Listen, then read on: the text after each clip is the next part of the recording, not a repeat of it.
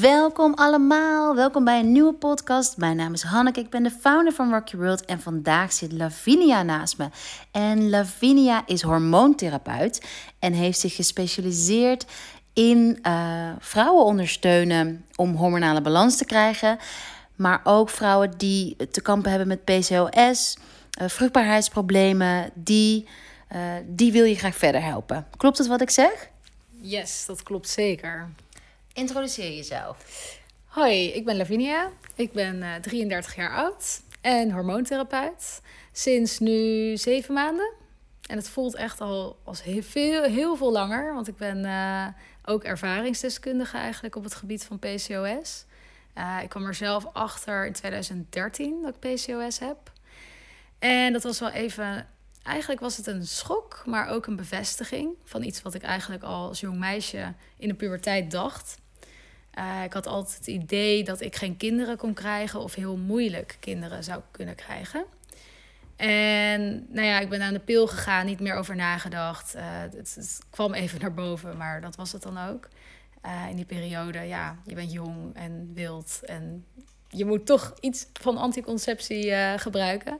Dus ik heb de pil geslikt tot 2013 en toen stopte ik daarmee en toen werd ik niet ongesteld. En ik merkte ook dat alles uit balans was. Ik uh, kon niet meer afvallen. Ik kwam, nou, ik kwam ook niet heel veel aan hoor, maar ik kwam wel ja, drie kilo aan, denk ik. En dat ging er ook absoluut niet af. Mm -hmm. En uh, mijn acne kwam terug. Nou ja, allerlei vervelende symptomen die je als vrouw niet wil hebben. Oh ja, uh, haartjes op mijn bovenlip, op mijn kin. Dat was eigenlijk allemaal onderdrukt door de pil. En nou ja, dus dat, ja, ik heb het eigenlijk allemaal zelf ervaren eerst. en toen naar de gynaecoloog voor een diagnose eigenlijk. Mijn huisarts die vond het maar gek. Die had niet het idee dat ik PCOS had. Want die zei, maar je hebt helemaal geen overgewicht. Hoe kan dat nou? Um, maar want, ik ben heel... Want, want meestal is het, uh, hebben vrouwen, is een kenmerk van PCOS ook flink overgewicht? Ja. Of, of, of, inmiddels niet meer, is dat achterhaald? Het is een beetje een achterhaald iets. Er zijn wel vrouwen met overgewicht die PCOS hebben. Maar eigenlijk mijn cliënten zijn allemaal lean PCOS, noemen ze dat. Mhm. Mm -hmm. Allemaal gewoon slanke vrouwen maar geen cyclus uh, of alle, allerlei andere vervelende symptomen die weer leiden naar PCOS. Oké, okay. Sorry. Ja. sorry voor het ontbreken. Vertel nee, no worries. Um, nee, dus uiteindelijk is toen PCOS vastgesteld. En toen zei ze, nou ja, kom maar terug als je zwanger wilt worden en ga maar weer aan de pil. Want het is eigenlijk niet goed dat jij niet ongesteld wordt. En nou ja, met andere woorden, ze willen het eigenlijk controleren natuurlijk. Dat, want het is inderdaad, um, ja, je, je wilt niet te lang niet ongesteld zijn.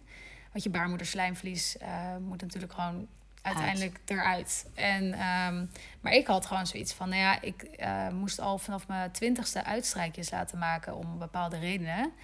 En ik dacht, nou, dan, laat ik, dan ga ik het zo doen. Dan laat ik wel een uitstrijkje maken met een echo. En dan kunnen ze me zo in de gaten houden. Um, dus ja, ik, zeg, ik zal nooit tegen iemand zeggen... je moet helemaal stoppen met de pil... maar jezelf ook absoluut niet in de gaten laten houden. Dus het is wel belangrijk dat als je echt bewust ervoor kiest... om je menstruatie op een natuurlijke wijze terug te laten komen...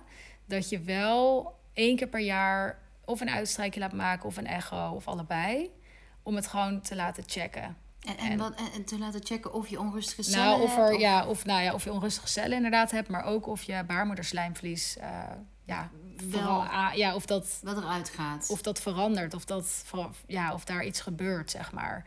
Dat is waar ze bang voor zijn als jij niet... Uh, aan de pil bent. Ja, als je niet aan de pil bent en niet menstrueert. Er moet gewoon iets uit. Het moet er op een gegeven moment wel uit. Want anders krijg je nog meer kiestes? Of, nee, je kan ook... Je, dan heb je dus weer... Dan zijn ze bang dat je dus een verhoogde kans bijvoorbeeld op baarmoederhalskanker kan hebben. Dus daarom, ja, ik, vind, ik ben sowieso echt voorstander van liever iets te vaak checken mm -hmm. dan net een keertje te weinig. En ik wil niemand bang maken, want ik heb heel veel cliënten die echt lang niet hebben gemenstrueerd en er is niks aan de hand. Maar het is meer als je, zoals ik, ik was wel gewoon alert. Okay. Dus ik heb anderhalf jaar, uh, nou ja, volgens mij anderhalf jaar geen menstruatie gehad.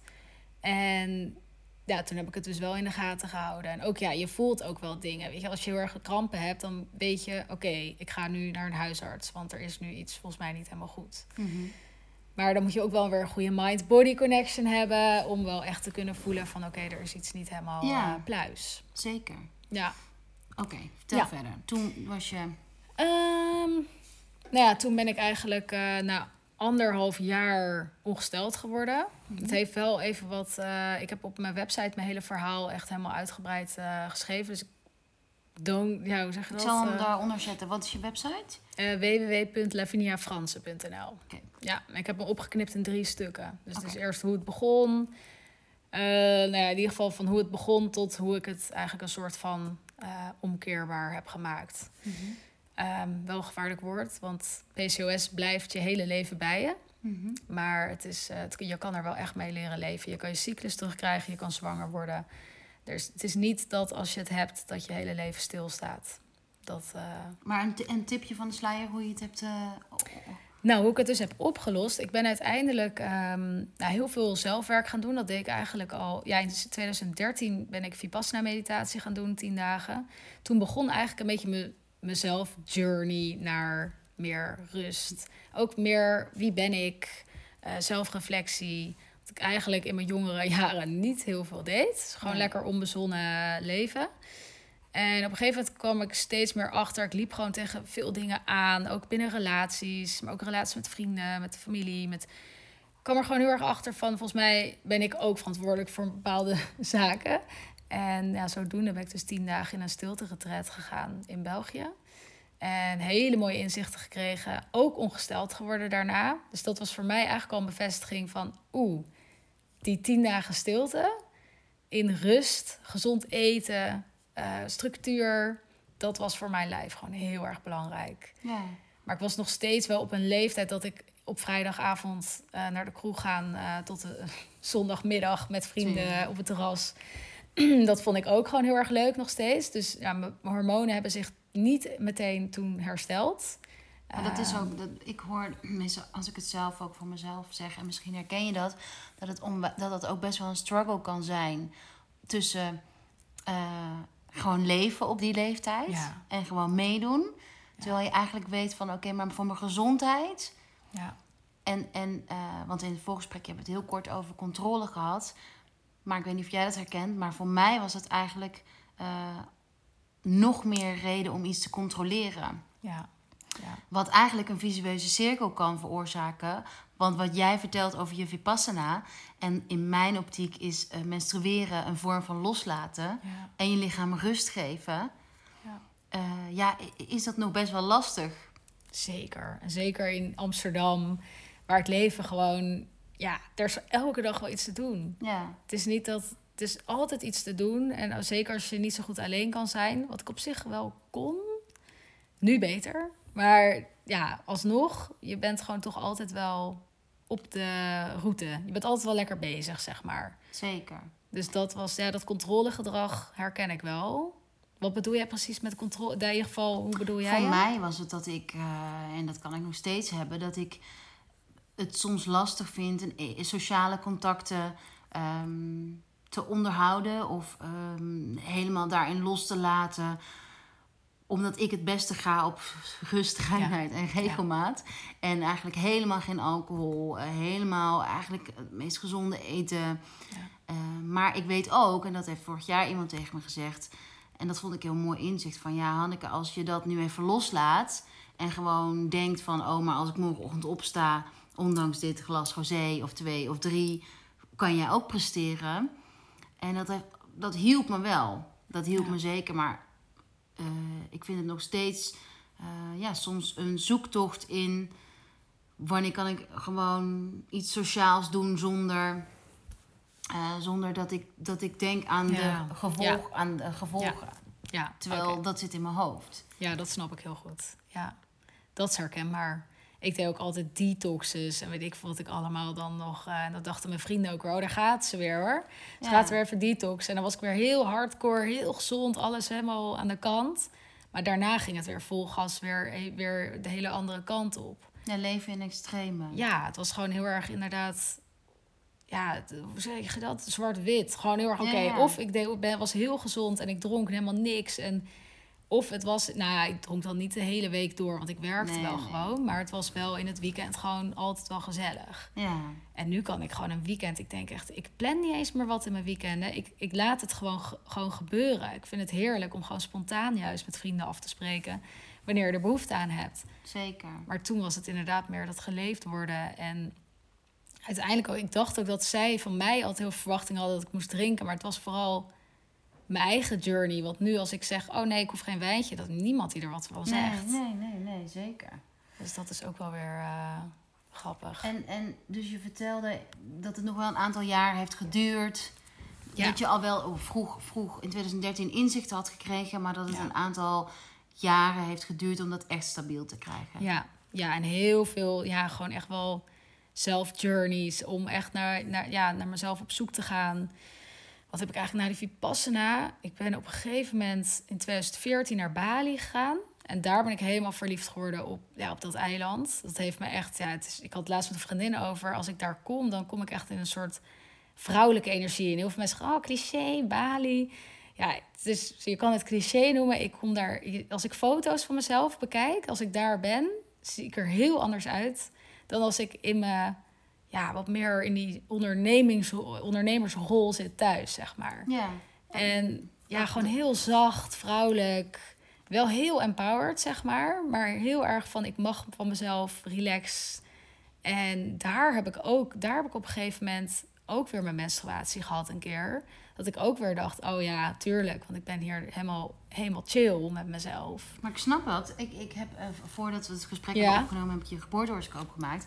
En je maansteek, ma- maanteken staat in stier. Oh. En stier is het meest vrouwelijke teken, meest sensuele teken Ja. van de dierenriem. En stierenenergie gaat heel erg over ontvangen. Ah. Dus dat is precies wat je zegt.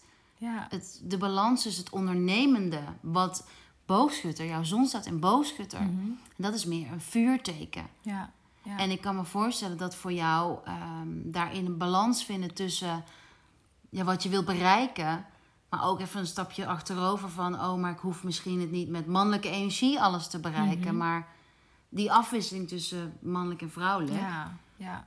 dat die voor jou eh, soms een zoektocht kan zijn. En het Ja. verklaart heel goed dat jij je op Bali eh, heel goed voelt. Ja, ja. Ja. Dat ik hem even staat, heb je Oh, ja. rust. Nee, ja, dat is zeker zo. Dat is zeker waar. En ik vind het ook, ja, ik ben daar ook wel even kijken. 2014, 2015, vanaf 2014 wel bijna elk jaar geweest. En dan echt een dikke maand. En ik ging er ook gewoon naartoe. Ook nadat wij in hetzelfde restaurant eh, hebben gewerkt, zeg maar, daarna.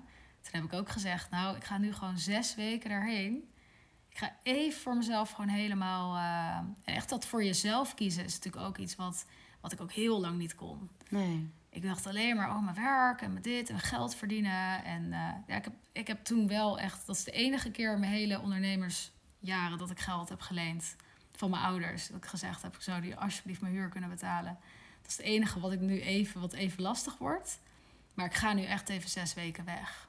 Ja, En dat was echt het meest bevrijdende wat ik kon doen, zeg maar, in die periode ook. wat mooi. Ja. Maar toen had je dus nog steeds geen regelmatige cyclus. Nee, die Nog was steeds? zeker niet. Nee, want ik heb, ehm, ik ben ook nog in 2014 heb ik nog een vriendje gekregen. Nou, heel kort was dat eigenlijk, maar toen ben ik weer aan de pil gegaan. En eigenlijk toen dat uitging in 2015, toen ben ik echt voor, voor altijd gestopt met de pil. En toen was het weer raak. Dus toen duurde het weer echt heel erg lang. En ik ben in 2016 toen naar Bali gegaan. En toen is mijn menstruatie weer een beetje teruggekomen.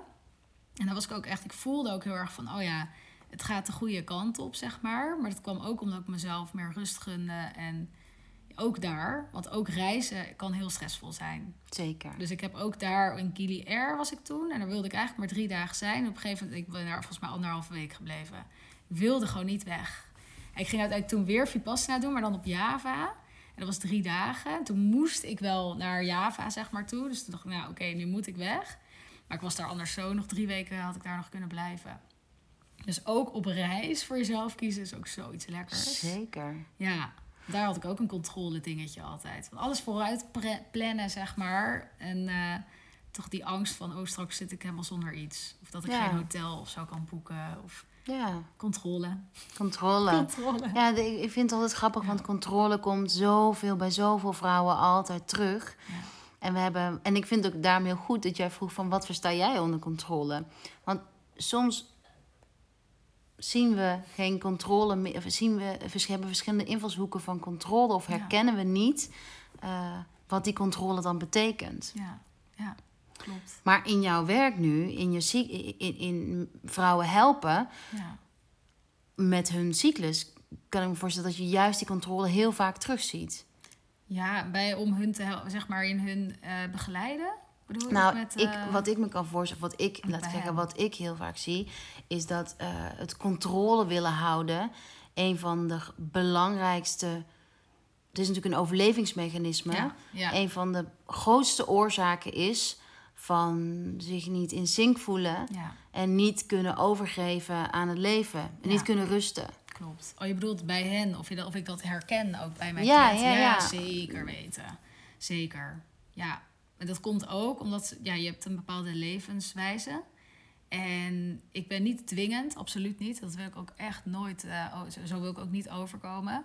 Maar ja, we gaan wel een verandering aan. En dat is wel waar zij ook een soort van voor, of, ja, voor hebben gekozen door een traject bij mij te boeken. Ja. Van oké, ik ga het nu het hoor omgooien. En we beginnen heel langzaam. Maar het is inderdaad wel, ik zie wel vaak dat er is wel moeite met bepaalde dingen ook loslaten. Ehm, ja, een kinderwens is natuurlijk, je wil liever gisteren dan vandaag. Maar ik zie vaak ook wel van, oh ja, er zit toch nog wel een bepaald soort stress of een stukje een insulineresistentie, bijvoorbeeld suiker. ehm, dat eh, heeft te maken met de suikers. Dat als je daar gevoelig voor bent, dat geeft ook heel veel stress. En vaak als ik vraag, heb je stress? Zeggen ze, nee hoor, ik heb geen stress. Maar dan komt er uit die bloedtest toch wel een insulineresistentie. En dat, dat is heel veel stress. Ja.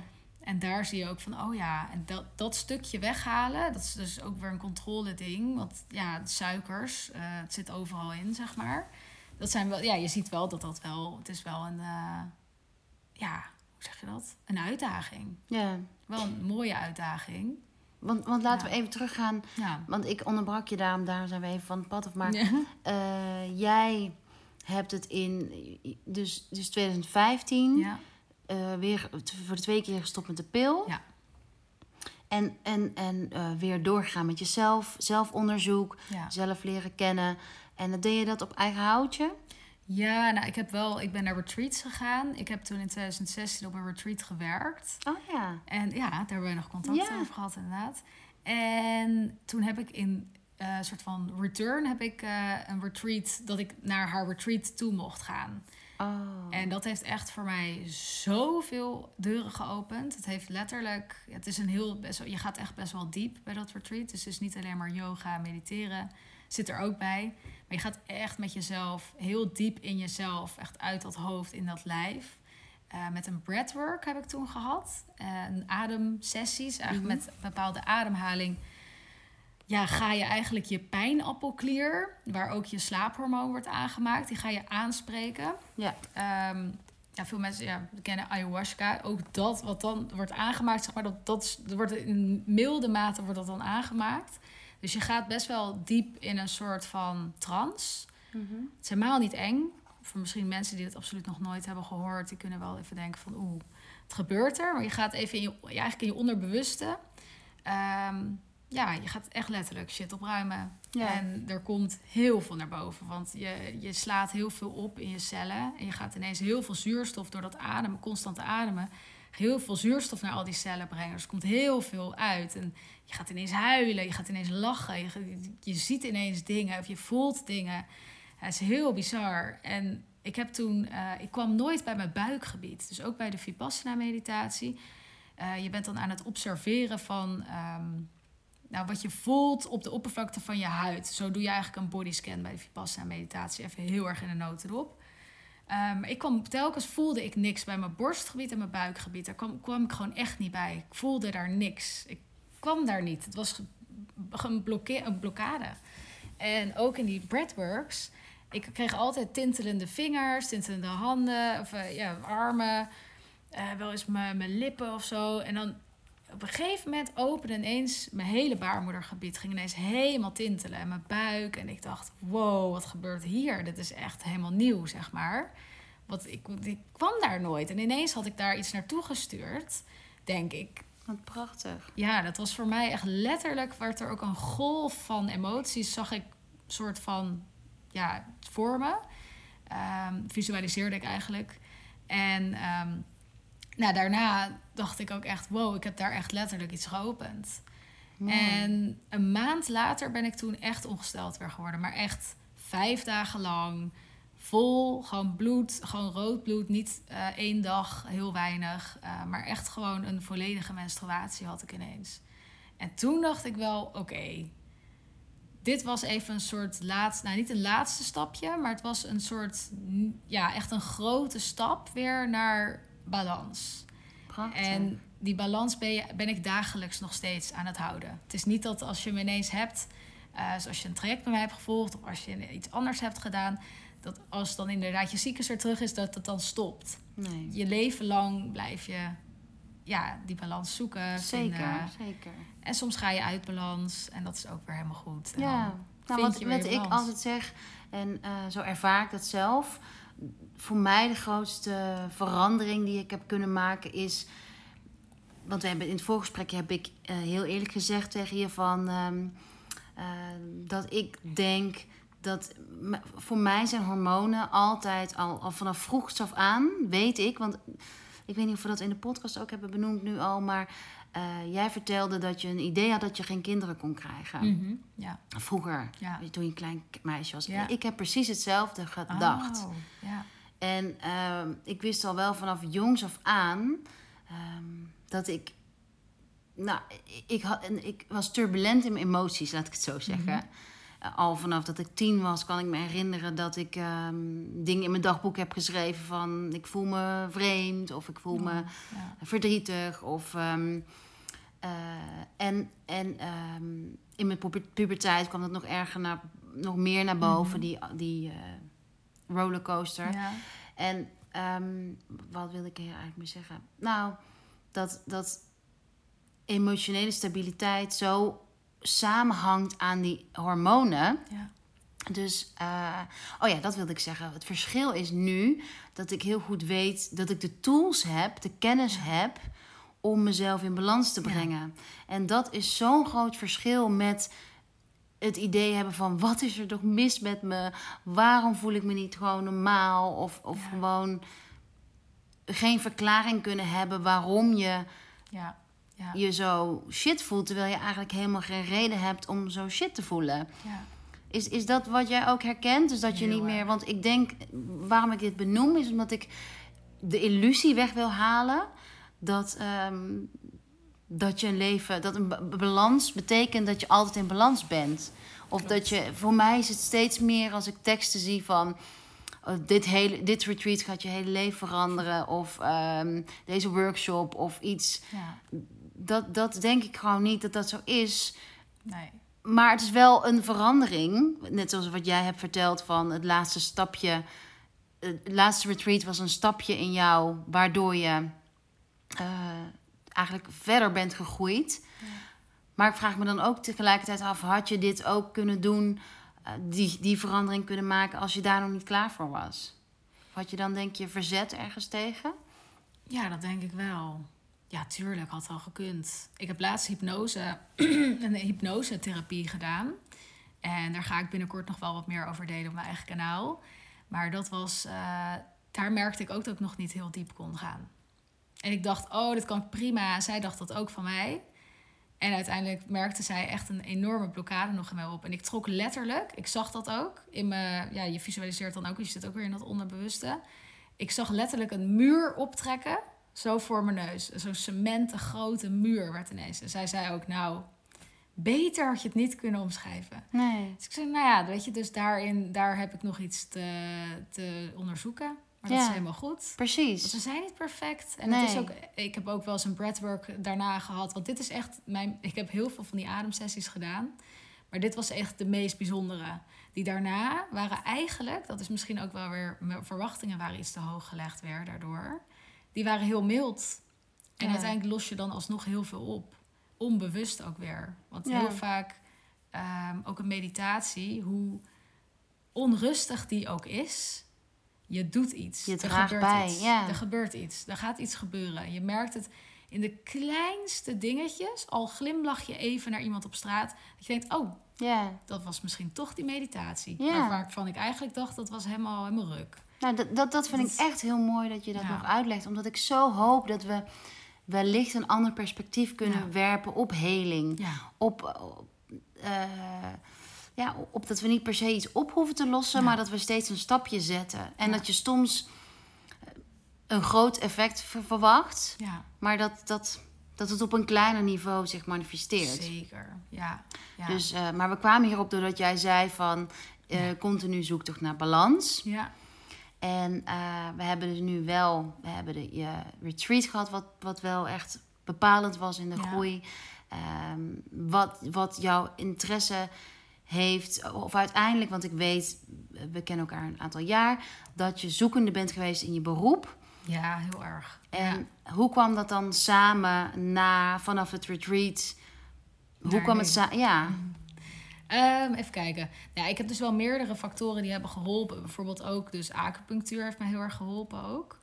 En even kijken, nu even die stappen inderdaad naar wat mij nu, mijn hele zoektocht naar, me, naar wat ik nu ben geworden, toch? Ja, ja wat, wat dan het omslagpunt was. Want, want toen wij elkaar Ja. de laatste keer een paar keer spraken, dat is een aantal jaar geleden, was je, was je heel erg aan het koken. Ja, Eh, Ja. Wat ik heel erg herken, want dat heb ik natuurlijk Ja. ook gedaan. En wat ik ook weer herkende in jouw geboortehoroscoop. Want je maan staat in stier. En stier en ascendant staat in kreeft. En eh, die twee gaan heel erg over verzorgen, over voeden, Ja. over eh, de zintuigen aanspreken, Oh, over mooi. moederlijke energie. En koken is natuurlijk is alles Ja, daarmee te maken. Dus dat vond ik wel weer heel mooi. Maar hoe ben je van het koken dan uiteindelijk, hoe heb je gekozen om, om je helemaal te specialiseren in de hormoontherapie? Ja, dat is inderdaad in stapjes gegaan. Dat is ook hoe ik werk hoor. Echt voorzichtig. Niet alles in één keer bam, bam, radicaal.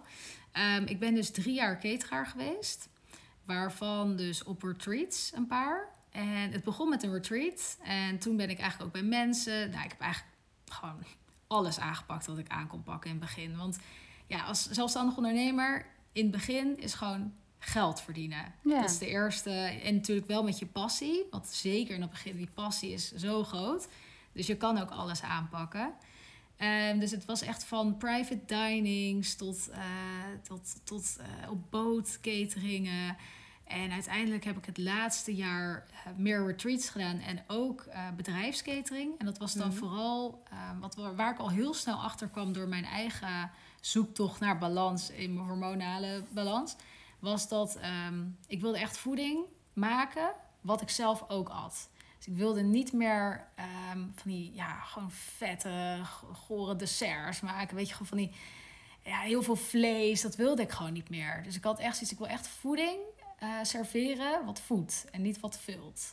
Want dat is ook wel catering. Hè? Je kan heel veel geld verdienen op catering. Gewoon door lekker alles kant en klaar te kopen. Ja. En Vreselijk. ja, dus dat was ook wel de keuze dat ik toen eh, met twee andere meiden zijn we bedrijfskatering gaan doen. En dat was echt eh, vooral vegetarisch eh, minded, zeg maar. Dus heel veel vegetarische gerechten, een beetje vlees.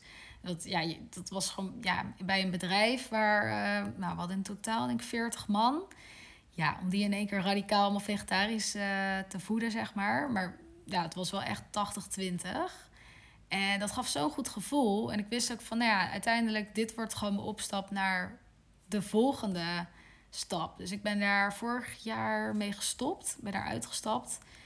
En toen heb ik echt ook even rust genomen. Het was heel een zware een soort van beslissing voor mij, merkte ik ook gewoon lichamelijk. En ja, ik ben toen echt wel een beetje in een soort, nou niet in een burn-out terechtgekomen, maar het was wel, het zat er echt wel tegenaan. Het was echt, het was echt wel zwaar overspannen, zeg maar, van al het harde werken. En toen zei mijn vriend ook, weet je wat, jij gaat gewoon even, even echt even rustig aandoen, zodat je gewoon aan je nieuwe website kan werken, je nieuwe plannen kan werken. Want ik was natuurlijk helemaal zo van, ja, maar ik, moet, ik wil mijn nieuwe bedrijf op poten gaan zetten. Hoe ga ik dat nou doen? Ja, en toen, eh, ja, dat is dan wel heel fijn als je een vriend hebt die je daar wel echt even in kan ondersteunen Ja.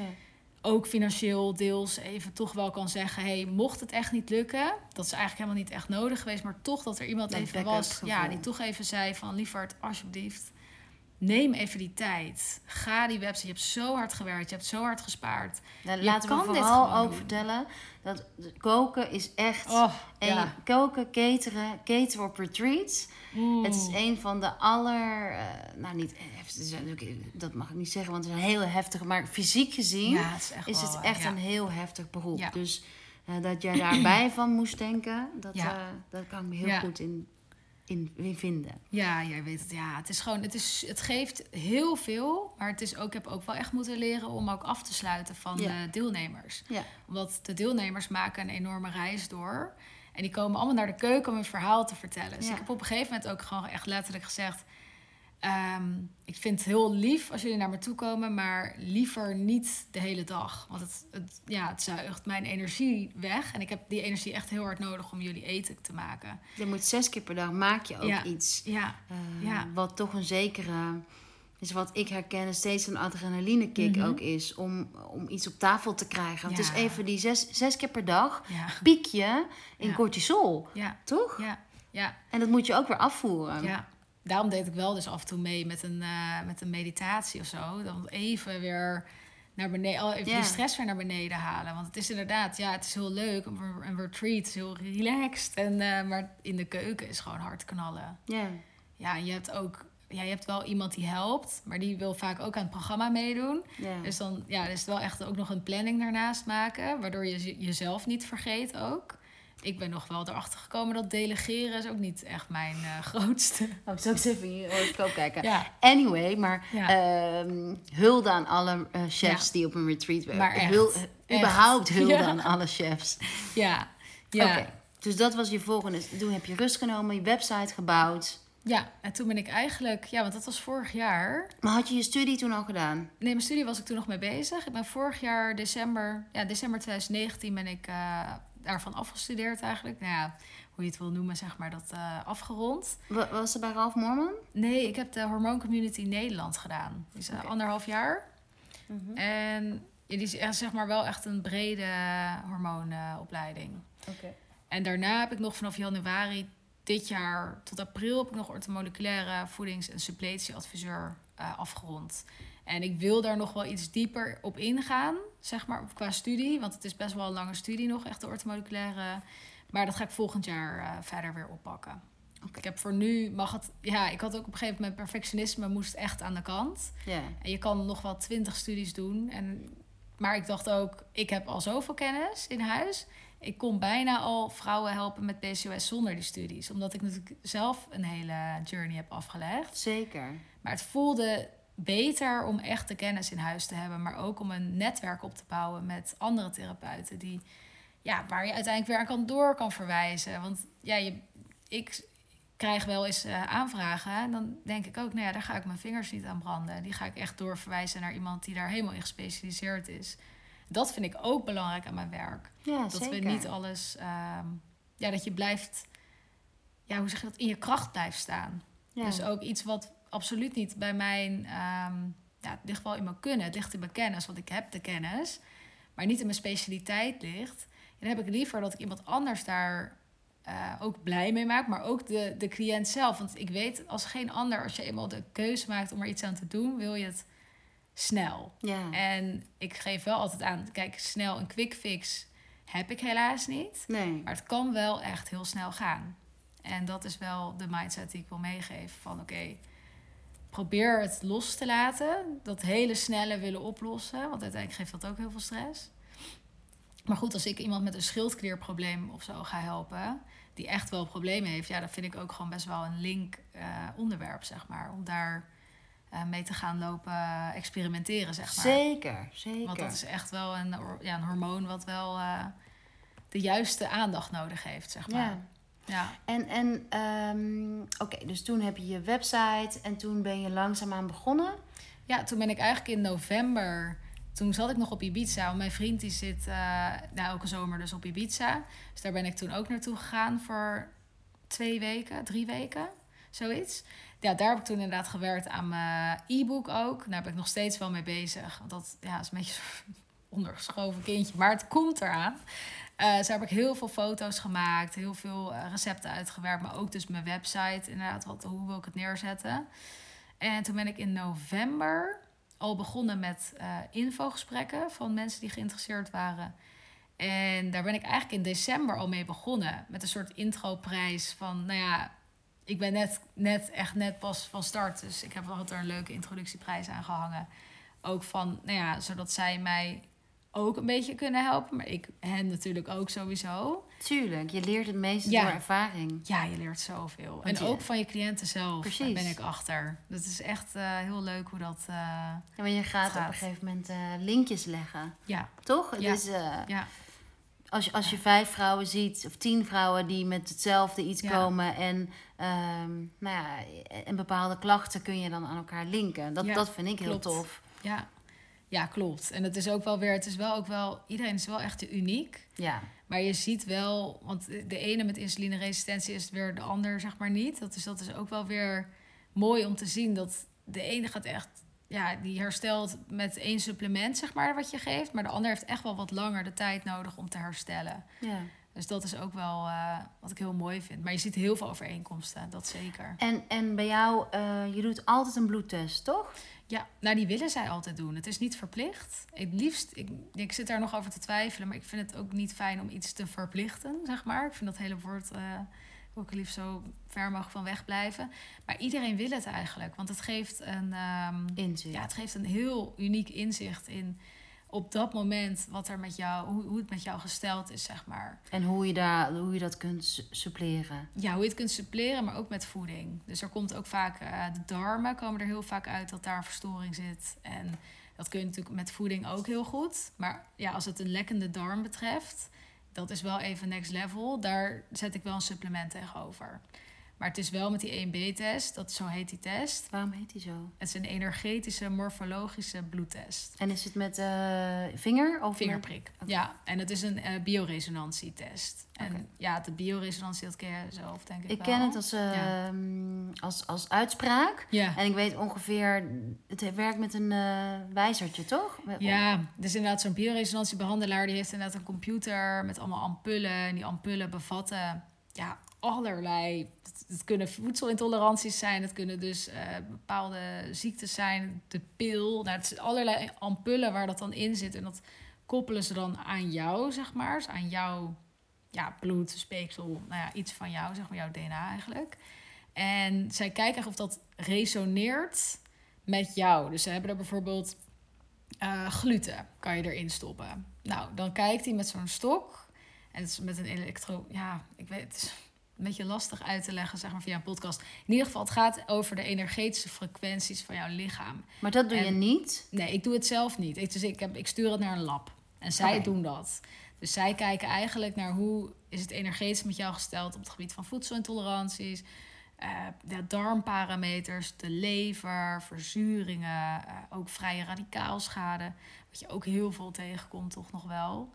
Uh, maar dat kun je dus ook echt wel met voeding zoveel, de, het meest kun je met voeding uh, ook al wel echt oplossen.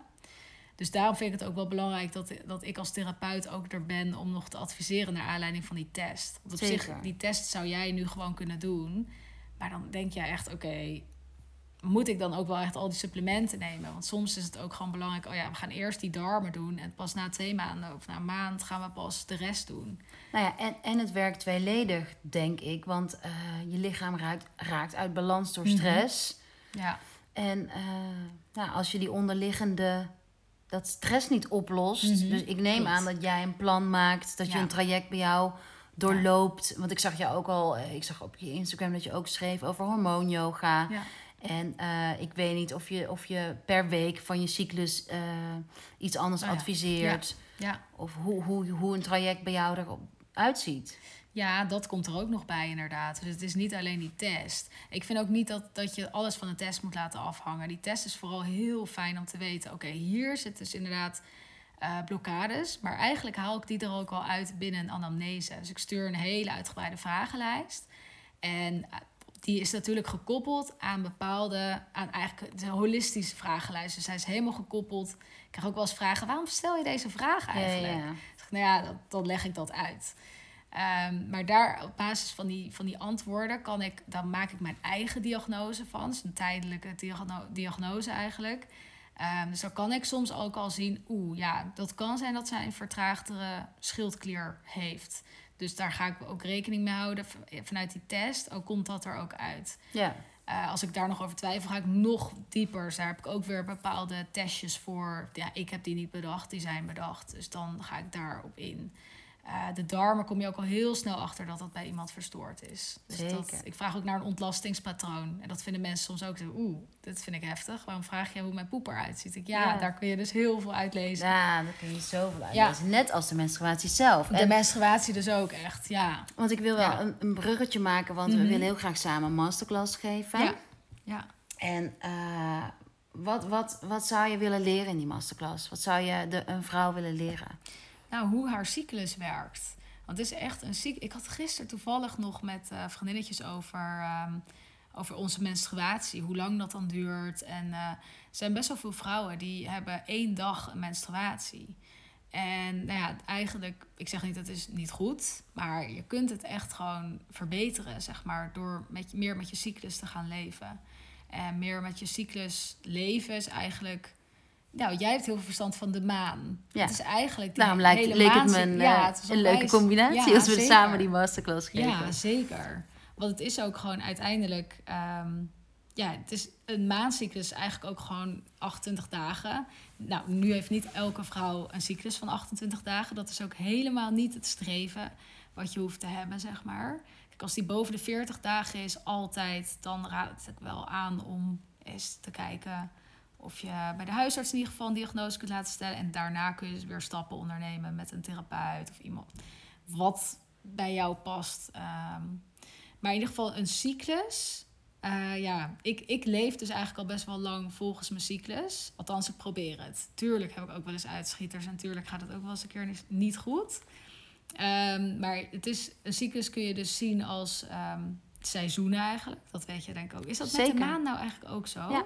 Ja, dus het is eigenlijk gewoon En hetzelfde. Ayurveda ook. Ayurveda ook. Ja. Dus inderdaad, de, nee, je hebt dan de folliculaire fase is de lente. En dan heb je de ovulatiefase de zomer. Luteale fase herfst. En de menstruatie is de winter. Ja, in de winter, ik ben me nu ook heel veel aan het specialiseren een beetje in fertiliteit. En nu had ik gisteren kreeg ik een nieuwsbrief over voeding in de winter. En ook hoe wij in de winter horen te leven. Maar eigenlijk, eigenlijk we dus echt inderdaad rust te pakken in de winter om voor te bereiden op die Dat is zomer. reflectie, Ja, het is enorme, ja. introspectie. Ja. Ja. Dus Ja. dat gaan we helemaal uitleggen, toch, in de Dat gaan we masterclass? gewoon Dus, uitleggen. per week, Ja. per seizoen. Nou, we kunnen wel per periode, per fase, eigenlijk- ja, per fa het is eigenlijk een fase natuurlijk die eh door, doorloopt. Want het is een, even kijken hoor, ik moet even uit mijn hoofd. Folliculaire fase ongeveer 10, 14 dagen. Nou ja, pin me er niet op vast, maar in ieder geval de ovulatie 3 tot 4. Luteaal, idealiter 11 tot 14. En dan heb je de menstruatie, die is 3 tot 7. Dus dat, dat is idealiter. Ja. Het kan dus, ehm, ja, er zullen nu waarschijnlijk vrouwen luisteren die denken, oh, maar ik heb gewoon een cyclus, maar huh, ik ben maar twee dagen ongesteld. Het hoeft niet te betekenen dat jouw cyclus niet goed is. Het kan ook gewoon zijn dat dat bij jou hoort. Ik, ik stel ook altijd de vraag van, heb je je moeder wel eens gevraagd, je oma, of in ieder geval wie er nog leeft in je familie, qua vrouwen zeg maar. Dus hoe, ja, hoe meer eh, vrouwen je kunt vragen, hoe beter. Van hoe is hun cyclus? En, en dat is ook zo leuk aansluitend, want Ja. dat kan ik weer vertellen. Ja. Omdat je als je constitutietype bijvoorbeeld meer naar vata neigt. Mhm. ehm, wat, wat eh, als je luistert en je hebt interesse in Find Your Sparkle, de Summer Self-Care Sessions die, eh, die ik deze zomer, die je online kunt volgen. Daarin vertel ik meer over de verschillende bodytypes volgens de constituties. En een van de kenmerken van vata is bijvoorbeeld dat de menstruatie veel korter is. Ja, Dus dat hoeft inderdaad niks eh, te betekenen. nee. Dus die, dus die masterclass gaan we samen geven. En eh, dan hangen we daar, dus we geven daar uitleg over. En we hangen daar ook food en lifestyle tips per seizoen aan. Ja, dat is Toch? wel mooi. ja, dus dan kunnen ze ook concreet aan de slag. Ja. Alright. Met gewoon hun, hun cyclus. Ja. Het is ook, je hoort het nu zoveel. En ik ben heel blij ook dat het gewoon steeds meer eh, bekend wordt. Ik las alleen maar artikelen, Amerikaanse artikelen, Australische, eh, Instagram, nou, die daar al heel lang mee bezig zijn. ja. Het is zo belangrijk. om- Ik had vorig jaar de Selfcare Journal gemaakt. ja. En die oh ging daar helemaal over. Ja, Eh, ik, ik hoop, ik, ik zit een beetje te twijfelen of ik hem nog een keer uitbreng, maar ik denk dat ik het gewoon nog een keer moet doen. Ja. Want die ging over het bijhouden van je dagen. Ja. Zodat je in één oogopslag kan zien. Ja. Oh, ik heb altijd rondom dag zes in mijn cyclus eh, heb ik hoofdpijn. Oh, nou. Ja. En dat je dus vertrouwen in kunt hebben dat dat eh, niet altijd ver- verkeerd is. Maar dat, dat je dus begrijpt van, oh, maar dit is terugkerend. En Mhm. natuurlijk zou je bepaalde ehm, dingen kunnen ondernemen om de hoofdpijn te verminderen. Ja. Maar het is vooral een teken dat je in die fase eh, in jouw menstruatiecyclus je vuur hoog is. Ja. Eh, Ja. en hoe, wat je kunt inzetten om dat vuur te doven Ja. of te verminderen. Ik vind het heel leuk dat jij weer die kennis hebt. Ja. We kunnen elkaar echt heel leuk in Ja, aanvullen. dat dacht ik ook. Ja. Oké, laatste vraag. Eh, nee, laatste twee. Ja. Ehm, sparkle, want mijn thema deze zomer, juli, augustus, is Summer Sparkle. Mhm. Hoe heb jij je sparkle... Hoe, hoe heb jij je sparkle hervonden? Want ik denk wel dat het voor jou Ja. ook zo geldt. Ja. En hoe onderhoud je je sparkle? Ja, mijn sparkle heb ik dus wel ondervonden door echt te kiezen voor wat ik echt wilde doen. Dus echt voor mezelf te kiezen. Dat heb ik heel lang ook niet gedaan. Ik heb heel lang gekozen voor geld verdienen, geld verdienen, geld verdienen. En natuurlijk ook wel de mooie dingen daarnaast en al mijn visies en missies en dingen. Maar het was wel, op een gegeven moment heb ik wel echt voor mezelf gekozen en dus die rust gepakt om voor mijn bedrijf te gaan. En wat er dus nu staat, ja, dat heeft wel mijn sparkle gebracht. Door echt te kiezen voor wat ik wilde doen. Wat ik heel bang, ik vond dat echt heel eng. Om echt ervoor te gaan staan. Want het is toch wel, ja, ja ik moet mensen, ik ben nu mensen echt iets aan het vertellen hoe zij hun leven weer eh, op de rit kunnen krijgen, stap voor stap. Ja. Maar dat vond ik heel spannend. Want ik dacht, ja, wie zit er nou te wachten op mij? Ja, toch, toch een soort angst, angst die er ook heel erg speelde. Van, oeh, ja, maar kan ik dat wel? Terwijl je bent ervaringsdeskundige ook. ja, en je bent, kom- ja, als je, ik denk, en ik herken dat nu, ik zie het in je ogen, die sparkle als het Ja. over gaat. Volgens mij ben je net als ik dagelijks, eh, lees je artikelen, lees je eh, om maar ja, kennis te vergroten, om, om, om te leren over iets wat je zo, ja, wat zo je passie is om iemand anders te kunnen helpen. ja, enorm. En, en, Ja. dat, en niks te nadelen van mannelijke dokters of dingen, maar ik kan me heel goed voorstellen dat voor een man Mhm. eh, is het vanuit ratio. Ja, Misschien als je advies geeft als, als, eh, van, oh, maar dit zit zo en zo en zo. mhm, Dus als je dit en dit doet, zou het opgelost moeten zijn. ja, Terwijl vo- vooral bij eigenlijk elke eh, gynaecologische klacht zit er zoveel achter. ja, En vooral ook, het is natuurlijk het gevoelsleven.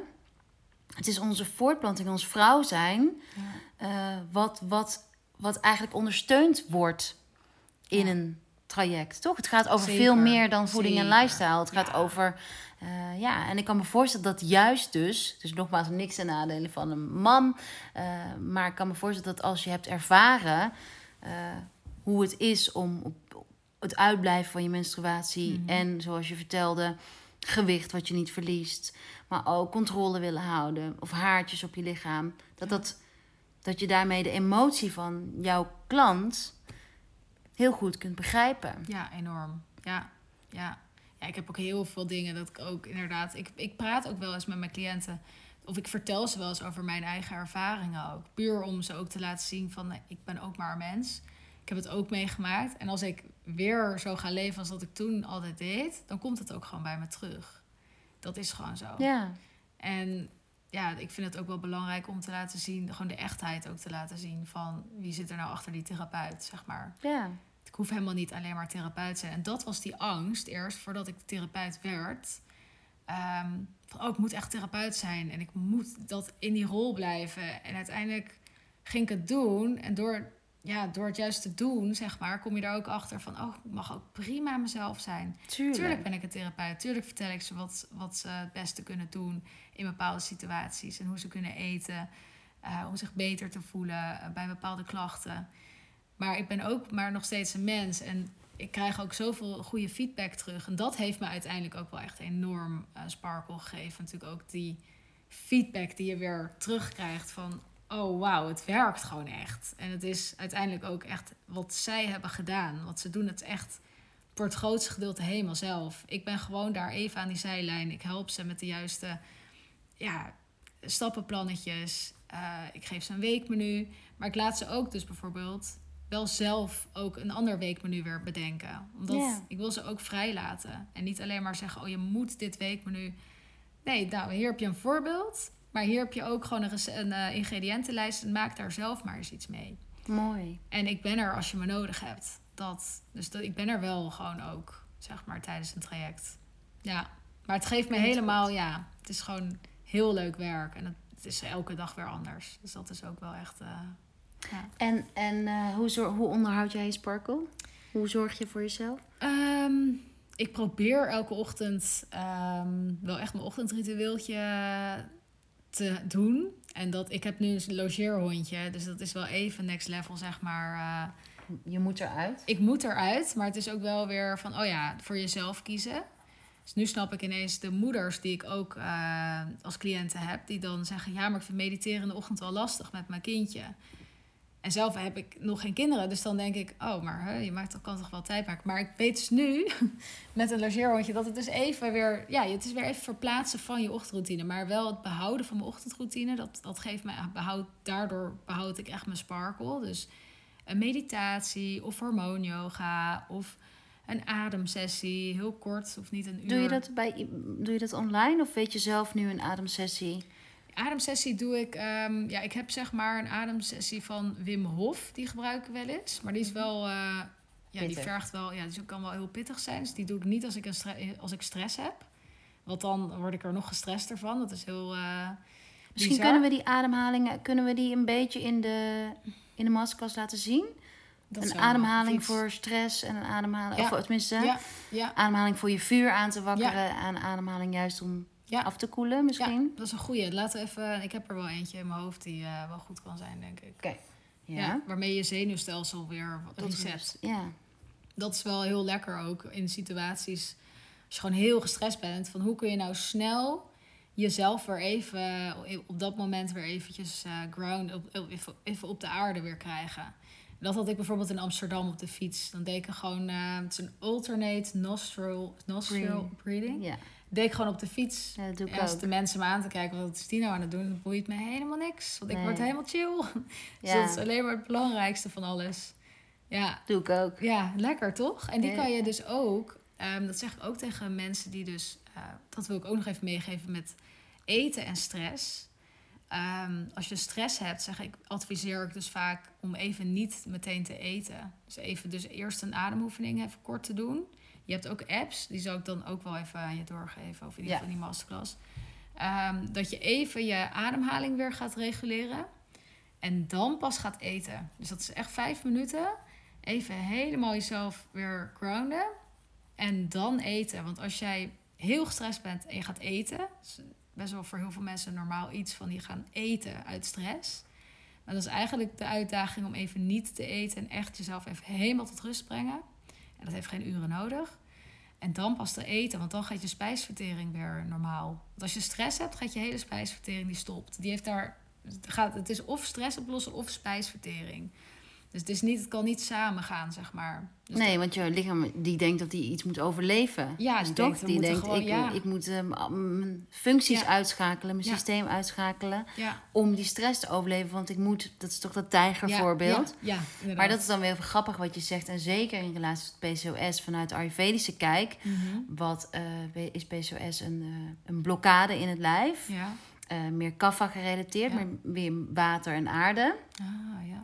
En ik kan me voorstellen dat uh, als je stress hebt en je, je verteert je eten niet, krijg je afvalresten in het lijf. Ja. En die afvalresten, die kunnen die blokkade veroorzaken. Ja. ja, enorm. Ook in de darmen. Maar ook, ook dat je ineens je komt gewoon letterlijk, het, het slaat ook als vet op dan. Ja. alles wat je eet. En het is zo zonde, want het, ja, het, is mij ook wel overkomen. En dan eet ik super gezond. Maar in een stresssituatie, ja, je kan net zo goed een Big Mac wegeten. Ja, dat heb ik ook.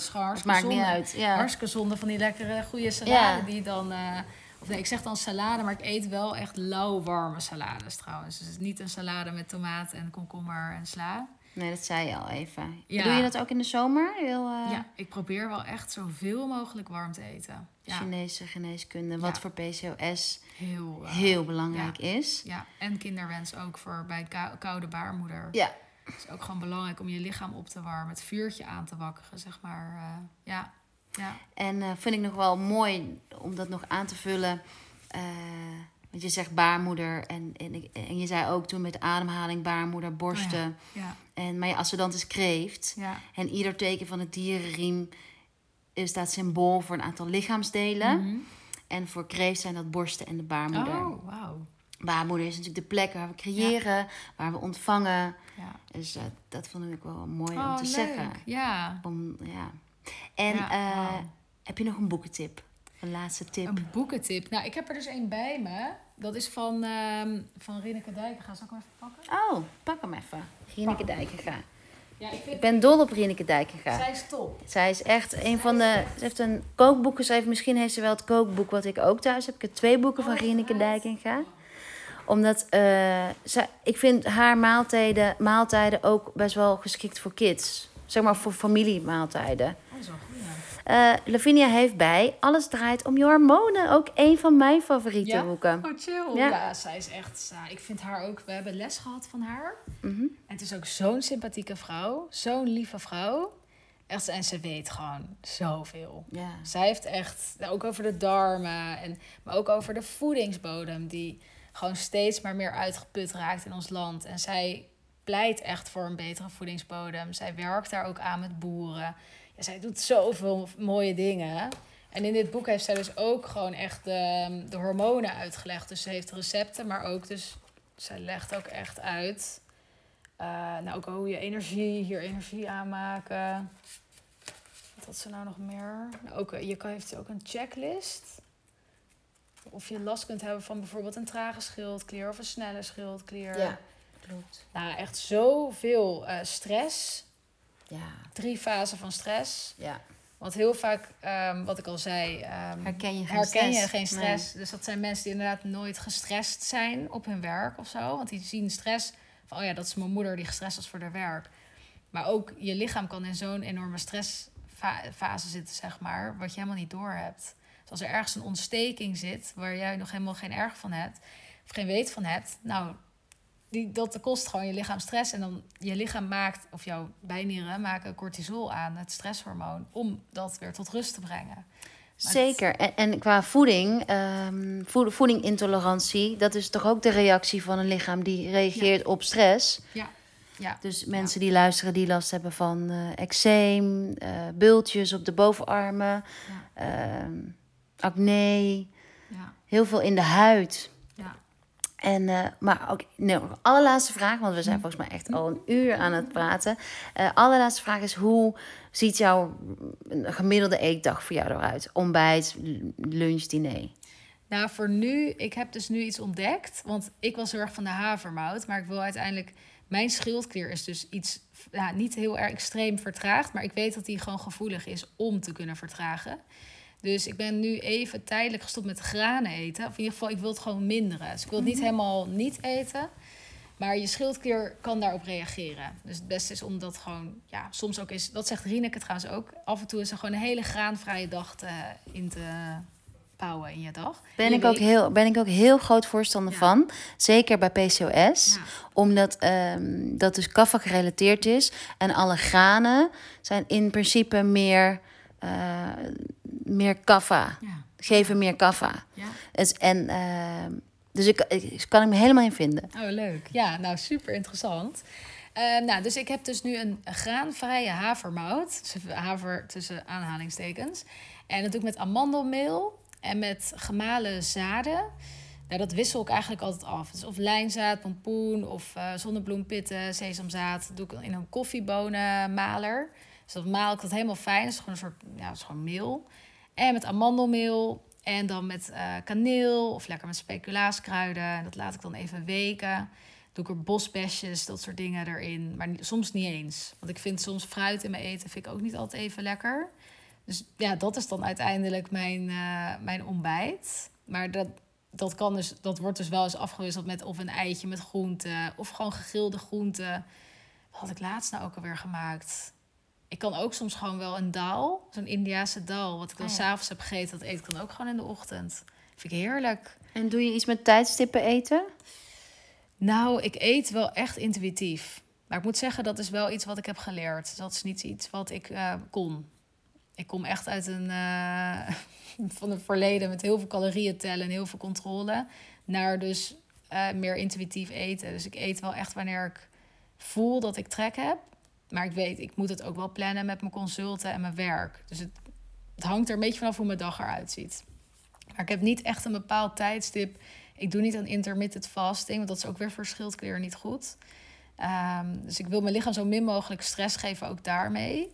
Voor sommige mensen is het echt perfect. Maar ik zeg altijd, ja, laat je gewoon goed adviseren op dat gebied. Eh, mijn lunch is heel vaak eh, soep. Ik had laatst miso soep. Dan maak ik echt meteen voor drie dagen.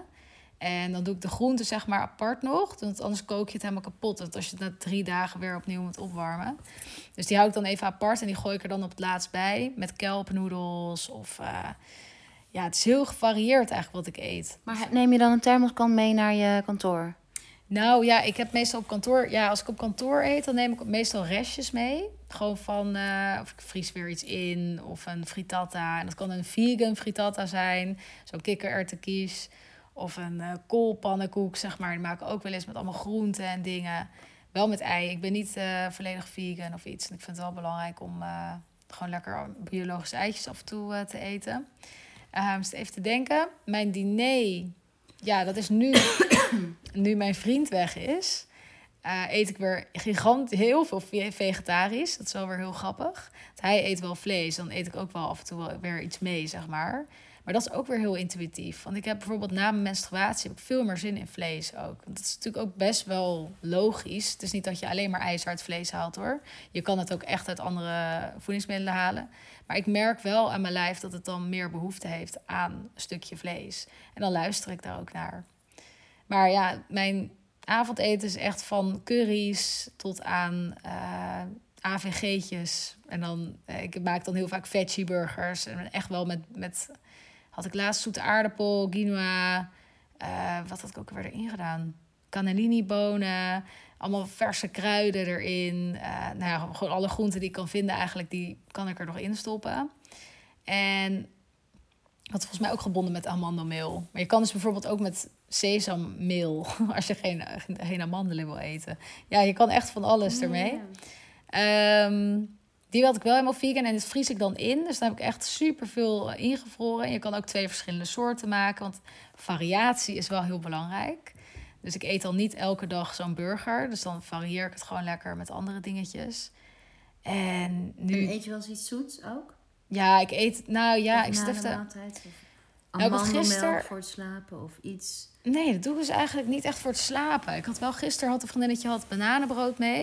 En ik eet dus eigenlijk helemaal geen banaan. Ik eet heel weinig fruit. Dus ik, heb, ehm, ik reageer gewoon best wel heftig op eh, ja, fruitsuikers. Ja. En dat kwam ook uit een test. Dus vandaar dat ik eh, met fruit iets voorzichtiger ben. Dus ik eet echt vooral bessen, echt zuur fruit. En ehm, dat eet ik echt los ook het liefst van mijn maaltijden. Dus het liefst in de ochtend. Eh, omdat ik, heb, ik krijg gewoon echt ook last van mijn maag als ik het eh, s s'avonds eet. Ik En, stuur en vermoeidheid ook? ja, heb ik nooit, daar heb ik eigenlijk niet zo op gelet. Maar tuurlijk eet ik wel eens als ik ergens op een barbecue ben en ze hebben aardbeien. Nou, dan eet ik ook gewoon aardbeien met slagroom. Ja, ik weet, daar, ik krijg dan mega slijmvorming in mijn keel van, die, van, die, eh, van, de, van het zuivel. Maar dat heb ik er dan wel af en toe gewoon wel eens voor over. Het is wel gewoon heel lekker. Dus, maar dan weet ik wel, oké, ik moet even op de blaren zitten. Het is net als met een pizza. Soms heb ik echt veel zin in een pizza, maar mijn buik blaast wel op van een pizza. Ja, dat is dan even waar ik dan even mee deal. En, en, ehm, maar eet je na het avondeten eet je niks meer? Nou, nee, de laatste tijd, ik ben echt de laatste tijd heel. Ik had een, een detox gedaan, een milde detox. En ik merk dat ik sindsdien heel erg minder veel suikers eet. Ik eet nog wel eens een stukje chocola. Het is gewoon echt pure chocola van. Nou, het varieert van 70% tot 85%. En soms heb ik wel eens een bui dat ik echt die hele pure. En wat ik wel lekker soms vind, is trouwens zo'n kurkuma latte. Oh ja. Dat. Maar dat is dan met, ehm, wat had ik nou ook weer? Die ongezoete amandelmelk van de Albert Heijn had ik laatst. ik wissel dat ook weer af met allerlei soorten plantaardige melk. Behalve soja, dat doe ik niet. Maar dat, eh, En drink je koffie? Nee. Nee, daar krijg ik heel veel stress van. Daar krijg ik echt een heel opgefokt gevoel van. Daar ben ik ook sinds een jaartje nu wel echt helemaal mee gestopt. Ik had nog wel af en toe van die uitzonderingen. Maar ik heb echt... Ik heb al dat mijn spanning gaat in mijn keel zitten. Mijn keelchakra is gewoon gevoelig stuk. Hoort bij stier. Oh, echt? Ja. Ja. Keelchakra is stier. Oh, ja. Nee, En het- eh bo boogschutter zijn heupen. En maan, je maan, staat in, je maan staat in het stier. Als ze dan kreeft en je kreeft is eh, derde oog, intuïtie. Ah.